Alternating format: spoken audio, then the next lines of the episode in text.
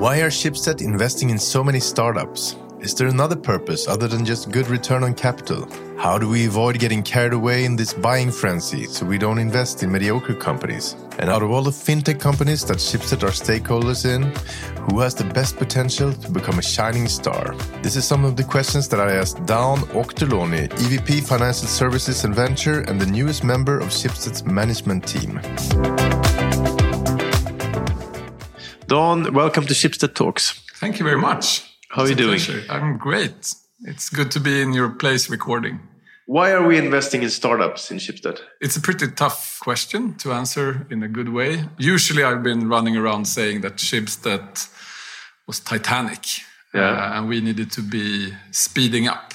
Yeah. So therefore, we invested in small speedboats. Uh, Yeah. But that story isn't really true anymore. I think now when we're when we're thinking about this, it's more about bringing Schibsted into the future, and the startups help us get into the future because they work on the same problems as we are working on: Yeah. transparency, democracy, helping people in their daily lives. So if we give startups our attention and our investment and our uh, strength, uh, Yeah. they can help us reach that goal even faster. So they vitalize our company and they vitalize the society as a whole. Yeah, exactly. They, they And we earn money from them. yeah, we get that benefit. We get the financial benefit. We invest in startups where we feel there is alignment between Schibsted's mission and the mission of the startup and the founders and the entrepreneurs. And when they reach their goals, we reach Schibsted's goals. And as a bonus, I used to say now, uh, we get financial returns, actually pretty good Yeah. financial returns. People in Schibsted learn a lot from uh, working together with these startups. And hopefully the startups have a higher chance of succeeding when they get help from Schibsted. So that's a bit of, of the story, at the moment at least. So I'm guessing now you're the expert, but it seems sort of like it's the entrepreneur's market or the founder's market right now, since there's so much uh, money out there. Yeah. So if you have a good idea and you're a smart entrepreneur, you can pretty much choose whichever VC you want to go with. Yeah. What, what's the unique selling point for Schibsted if we compare us with someone in San Francisco? Why do you want to go with us? Yeah. So first of all, I mean, you're right. There's more money than ever Yeah. sloshing around. Yeah. If you're uh, reading uh, Atomico's latest report, it's almost three times as much as last year. Not quite, but two and a half times in Europe as a whole. Yeah. and they have to invest that money, right? They can't just be lying around, or it, can. But it can for a little while, but of course, you know, people are people. Yeah. You want to invest that capital, and the capital is there to be invested. Because if it's not, our pensions go to hell, right? Yeah. So, so capital has to be productive. That's Yeah. the sort of basic. like a shark, it has, it has to move. Exactly, it has to move and it has to seek out the next opportunity. But if you think about it a bit more philosophically, that's also what our governments want, right? They want that capital to create new businesses and new jobs and so forth. But if you if you go back to Europe at the moment, I think, and Sweden in particular, that 125 billion or so in venture capital this year in Europe. If you think about Sweden, if you take sort of the venture capital per capita Yeah. as a measurement, we would be at about 700 billion if the rest of Europe caught up to Sweden. All right. So if you if you think about yeah, it's so expensive and you know sure, uh, but Sweden is then still quite a bit behind the U.S. or Israel, uh, which are two very mature venture capital markets. So yes, there's a lot of complaint. You know, Yeah. it's so expensive. There's so much money. But there's still a long way to go. Even for Europe as a whole, there's a long way to go. And even for Sweden, which is, I think, among actually is the top per capita, Yeah. There is still a way to go until we get as mature and quote unquote and expensive as US or, or Israel. But then if you zoom back down, for an entrepreneur, one person starting a company today, it's never been as good, especially in And then back to my question: If I, I invented this great fintech idea, Andreessen Horowitz wants to buy it, and Schibsted wants to. Why should I go with Schibsted? yeah. Uh, sorry for uh, getting, No getting a bit uh, carried away there. So, if you think about us, right, our first competitive advantage is that we're here in Stockholm and I guess here in Oslo. We're established in the network ecosystem of entrepreneurs. And frankly, Andreessen Horowitz they are not, right? And uh, Tiger is not, and uh, Sequoia, they're not. They work with local VCs to find things, but typically they're investing in a bit later stage. Things are more proven or or have come a bit further. So that's our first advantage. We're willing to take and in what stage? The, the, early the stages. Schibsted is coming into early stage. And how early? How early is that? What, what you mean? Maybe it's five, ten people. There's a you know a thousand customers. There's a product that's kind of starting to work. We can come in and accelerate that. And that's uh, that's the sweet spot yeah, for Schibsted. Yeah, that's, that's the sweet spot. It's okay. uh, from there up until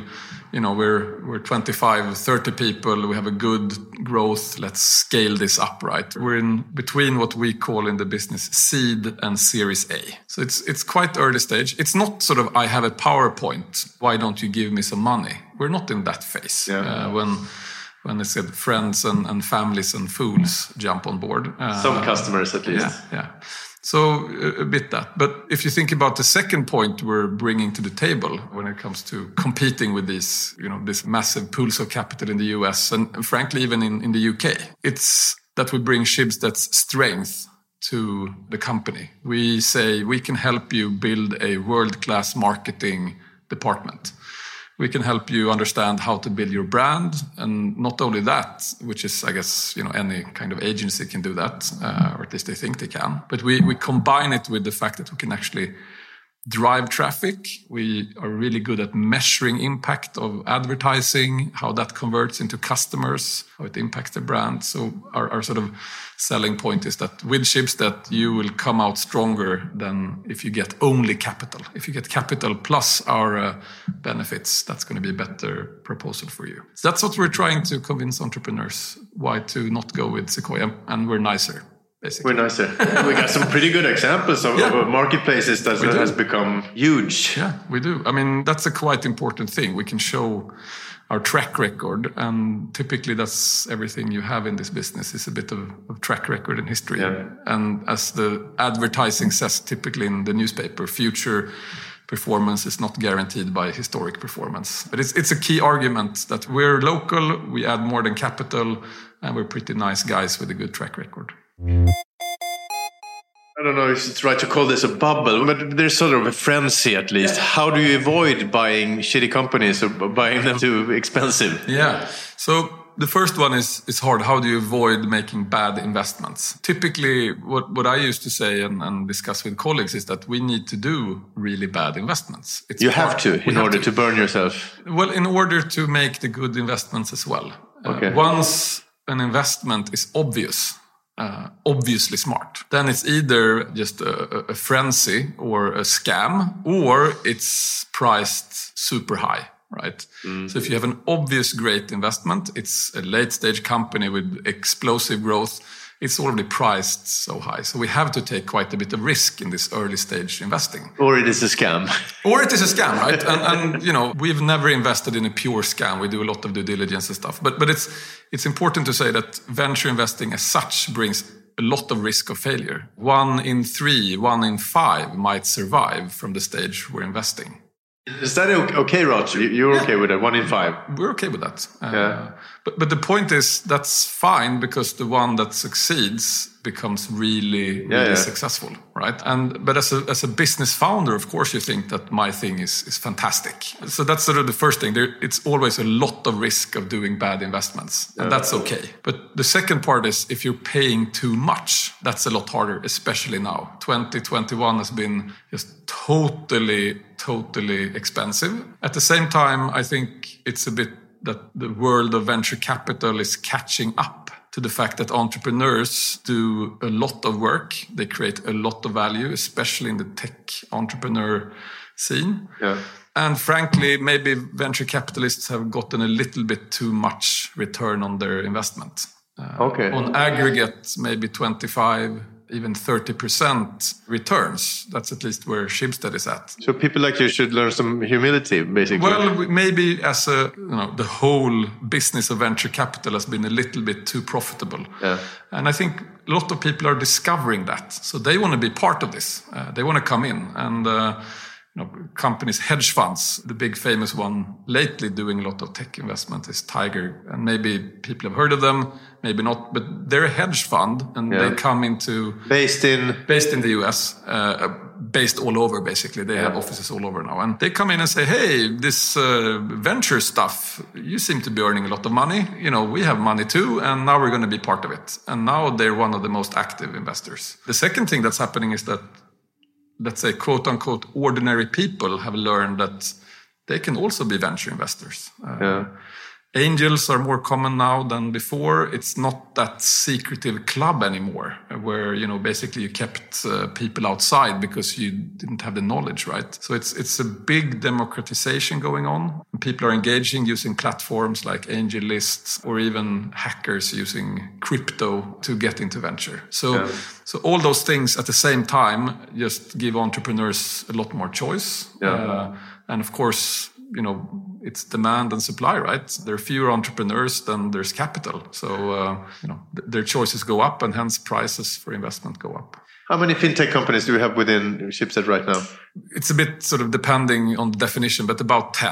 Uh, about 10. About 10 fintech. Lendo is the biggest and perhaps most well known. Yeah. Uh, and the smallest is called Tillit Forsikring. It's a Norwegian insurance yeah. uh, startup, and there's a bunch in between. Uh, so we're doing quite a bit in that space. Also in health, and our latest big investment was in Tibber Electricity Tech. Yeah sustainability. Maybe this is asking you to choose between your kids, but who has got the best potential to become the next Klarna? Oh, the next, if you mean Klarna as in big or Klarna as in pink or as in greedy, perhaps?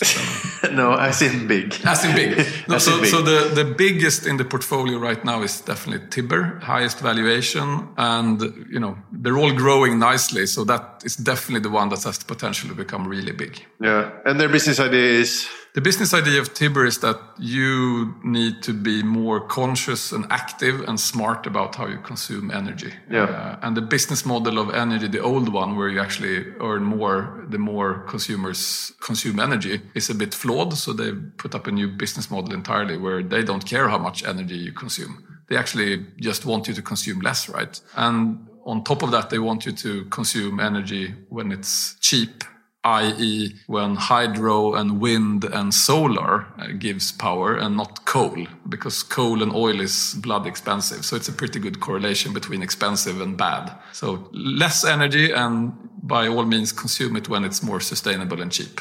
It sounds like a, a modern, smart business idea, both sustainable and yeah, clever. Is.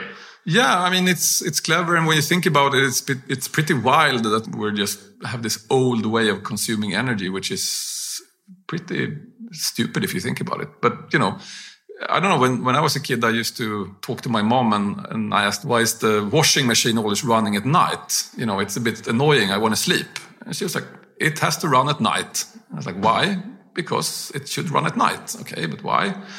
It's uh, cheaper. So it's sort of a, bit of, of a house. Uh, oh, and that's logic. the truth. It is cheaper during. Well, I don't know. I was a kid, and I said, okay. I, then I'll try to sleep with. But it was just because you put it on at night because you're not at that's home. That's what she said. But as a fact of life, there's less demand for energy at night. So if you come home and plug your car in uh, after work, five, six, seven o'clock, that's like paying 300, 400 kroner for a liter of milk, which okay. is pretty wild, right? So if yeah. you if you buy a carton of milk in the night, it's ten right? Yeah. Normal price. But if you okay, want okay, milk it after work, it's 300. Uh, okay, okay, okay. That's about how wild. And, and, right now, the differences are even, even wilder. Uh, and Tibber, they can sort of solve that for you? Uh, no, but they can nudge you in the right way. They okay. will show you it's bloody expensive now. Think about change your uh, behavior. And, yeah, think about this, and they can sort of give you the right incentives, which is that instead of having paying the same price no matter when you consume it, they give you hourly prices. And even some, a lot of people in, in many countries, especially now, they go for fixed price, which means they pay the same throughout the year, uh, which is also a bit strange, right? Because energy in the winter is, of course, a lot more expensive than in the summer. Less wind, less sun, and a lot more need for, for heating.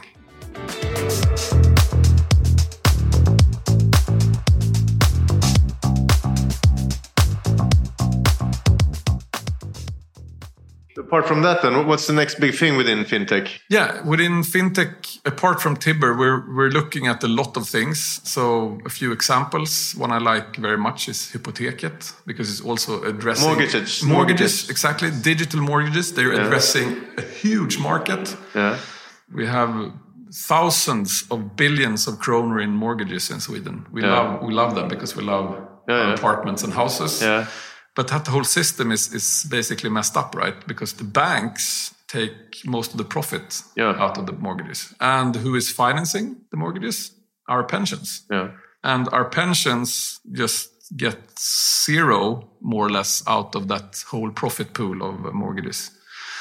And the banks take all of it. And Hypoteket is trying to change that. But to do that, they also need to have a cheaper mortgage because consumers like good products with, with low prices. Yeah. So they have a great digital mortgage, no need to go to the bank or sign papers. Good interest rate, uh, no haggling with the bank or backroom deals over coffee. If you call and complain, you just get a great price upfront. And in addition, most of the profit ends up with actually the people's pensions instead of with Hypoteket. Nice. Democracy, sort of. Yeah, well, you know, more like a revolution. Yeah. More like a revolution. Democracy right now says Yeah. that banks should have the profit. Yeah, that's true. We're trying to change that. Uh, so that's a company I, I, I like a lot. Yeah, I, I get some other trend? Some other trend. I want to bring up uh, another company we believe in a lot, or a theme, which is that small businesses have a hard time getting good enough service from the financial sector. You typically you're quite low on the priority list of a you know a bank employee. It takes often weeks to get uh, replies if you want to credit or change something. Yeah. So we've done a couple of investment actually in, in the space where we try to bring modern finance and modern technology to small companies. One uh, was uh, Capcito, which we actually just sold to Fortnox because Yeah. they believed in it even more. And another one is a Norwegian company called Funding Partner. So they do loans for small businesses. But you know, it's really hard to become a bank. So instead of becoming a bank, they decided to to do that by being a crowdfunding company. So you bring in investments from private persons and you channel those investments to small businesses that need credit. So the whole area there is just exploding with innovation, you know, bringing modern fintech to small companies. And if you compare it to what you can do as a private consumer on your phone, why can't you be as modern in your business? But that's a trend that's been going on, and I think it's going to be going on for a long time more. So, on, with your experience, you travel around the countries, the tech scene in Stockholm, Oslo, Copenhagen, Helsinki. What similarities are there and what differences are there? Yeah, so I'd say the Swedish tech scene is definitely more advanced. I think mainly because we've been at it longer. We had the home PC revolution, we had the first wave of tech companies, and those have sort of paved the way for really big startups today, right? We're ambitious. We have Spotify, we have Klarna, and now Northvolt, they're raising, I don't remember, 25 billion kroner or something. That's just huge, right? And that whole thing has has a bit of history and weight behind it. So we now have a lot bigger companies than the other Nordic countries, but they're good, right? They're catching up. They're way ahead of, of the average European, I think. Uh, and Helsinki has, a, has had a lot of momentum in gaming, for example. Supercell, you know, came out of Helsinki and Rovio with Angry Birds.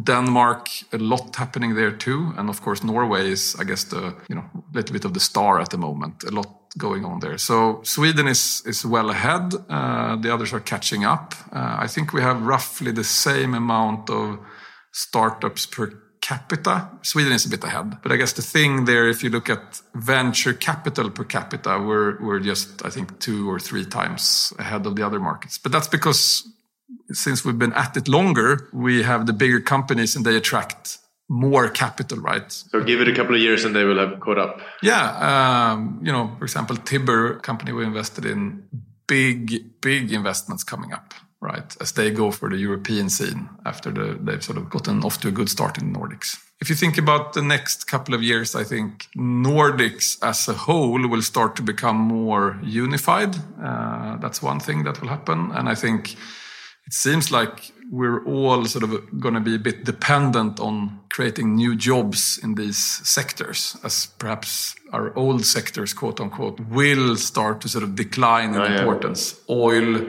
agriculture, and fishing, and those kind of things might sort of take less of a front seat. And industry and cars, perhaps, depends on if, if electric cars actually succeeds or not. And technology will sort of go ahead. On a more personal note, then, I mean, if I would meet you on the street, I would guess you're a rock musician or something. Yeah, I used to be, or Are you I still, to. I still that was my question. How did you end up here?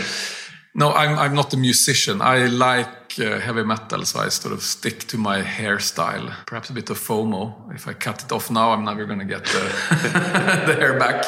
But, anyways, no, I came to Schibsted uh, from uh, consulting, basically. I'm uh, an engineer by education, started doing tech strategy consulting. Uh, one of my projects in 2004 was for Schibsted. We were doing growth strategy together with the management team at that time. Uh, and I thought it was a great um, fun project. And, you know, I tried to sort of figure out if I could work for Schibsted.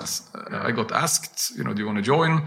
I said, hell yeah. So I started working, you know, full time in 2006 with Schibsted. First in Oslo, or actually sort of Oslo and Stockholm split for four years. And in 2010, we got our first child, Esther, she's 11. And then we went sort of full time Stockholm. And that's when I started doing venture investing for Schibsted.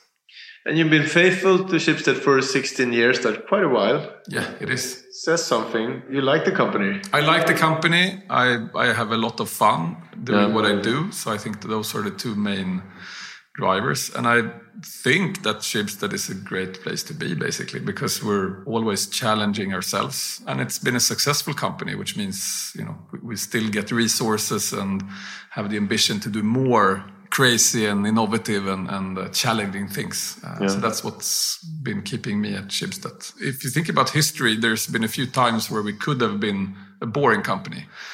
2009, I remember especially, financial crisis. But we did some tough decisions, cut down costs, sold a bunch of assets, but we used that to invest into the future. And a lot of people closed down internet things, right? But we didn't. That was sort of one. Another one important was actually now during COVID. A lot of layoffs left, right, and center. I think we managed very few, by you know, very few people reductions. Uh, and it turned out now everyone wants to recruit more. So we're pretty happy that we managed to, to do it in a sort of long term way. Yeah, it seems like many, many other Schibsted companies has been doing really well during the pandemic. Yeah, now it's easy to see. Yeah, but it was yeah. really hard in March Yeah, yeah, yeah, last yeah. year. Yeah. Everyone panicked and we were about, you know, let's close everything down. But so some of those long term decisions have been quite important. So last but not least, an important thing. I hear you're a beer man. Yes, I am. Uh, so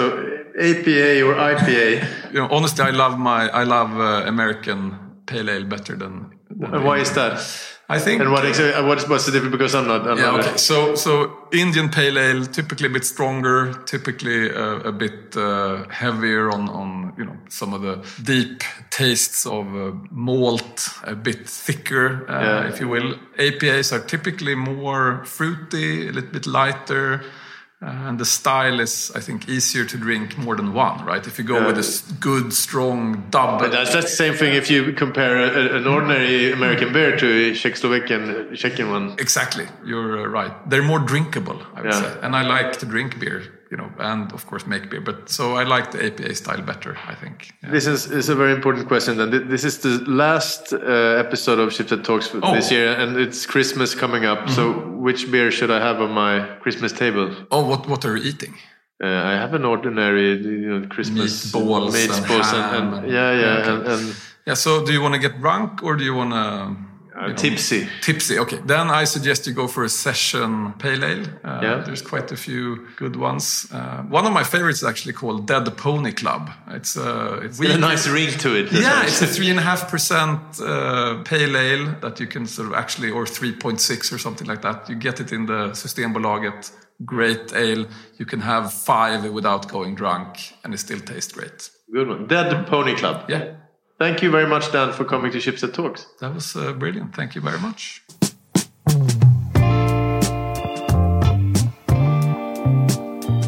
This podcast was brought to you by Schibsted Employee Branding Team. My name is Hugo Renberg and producer was Jens Back.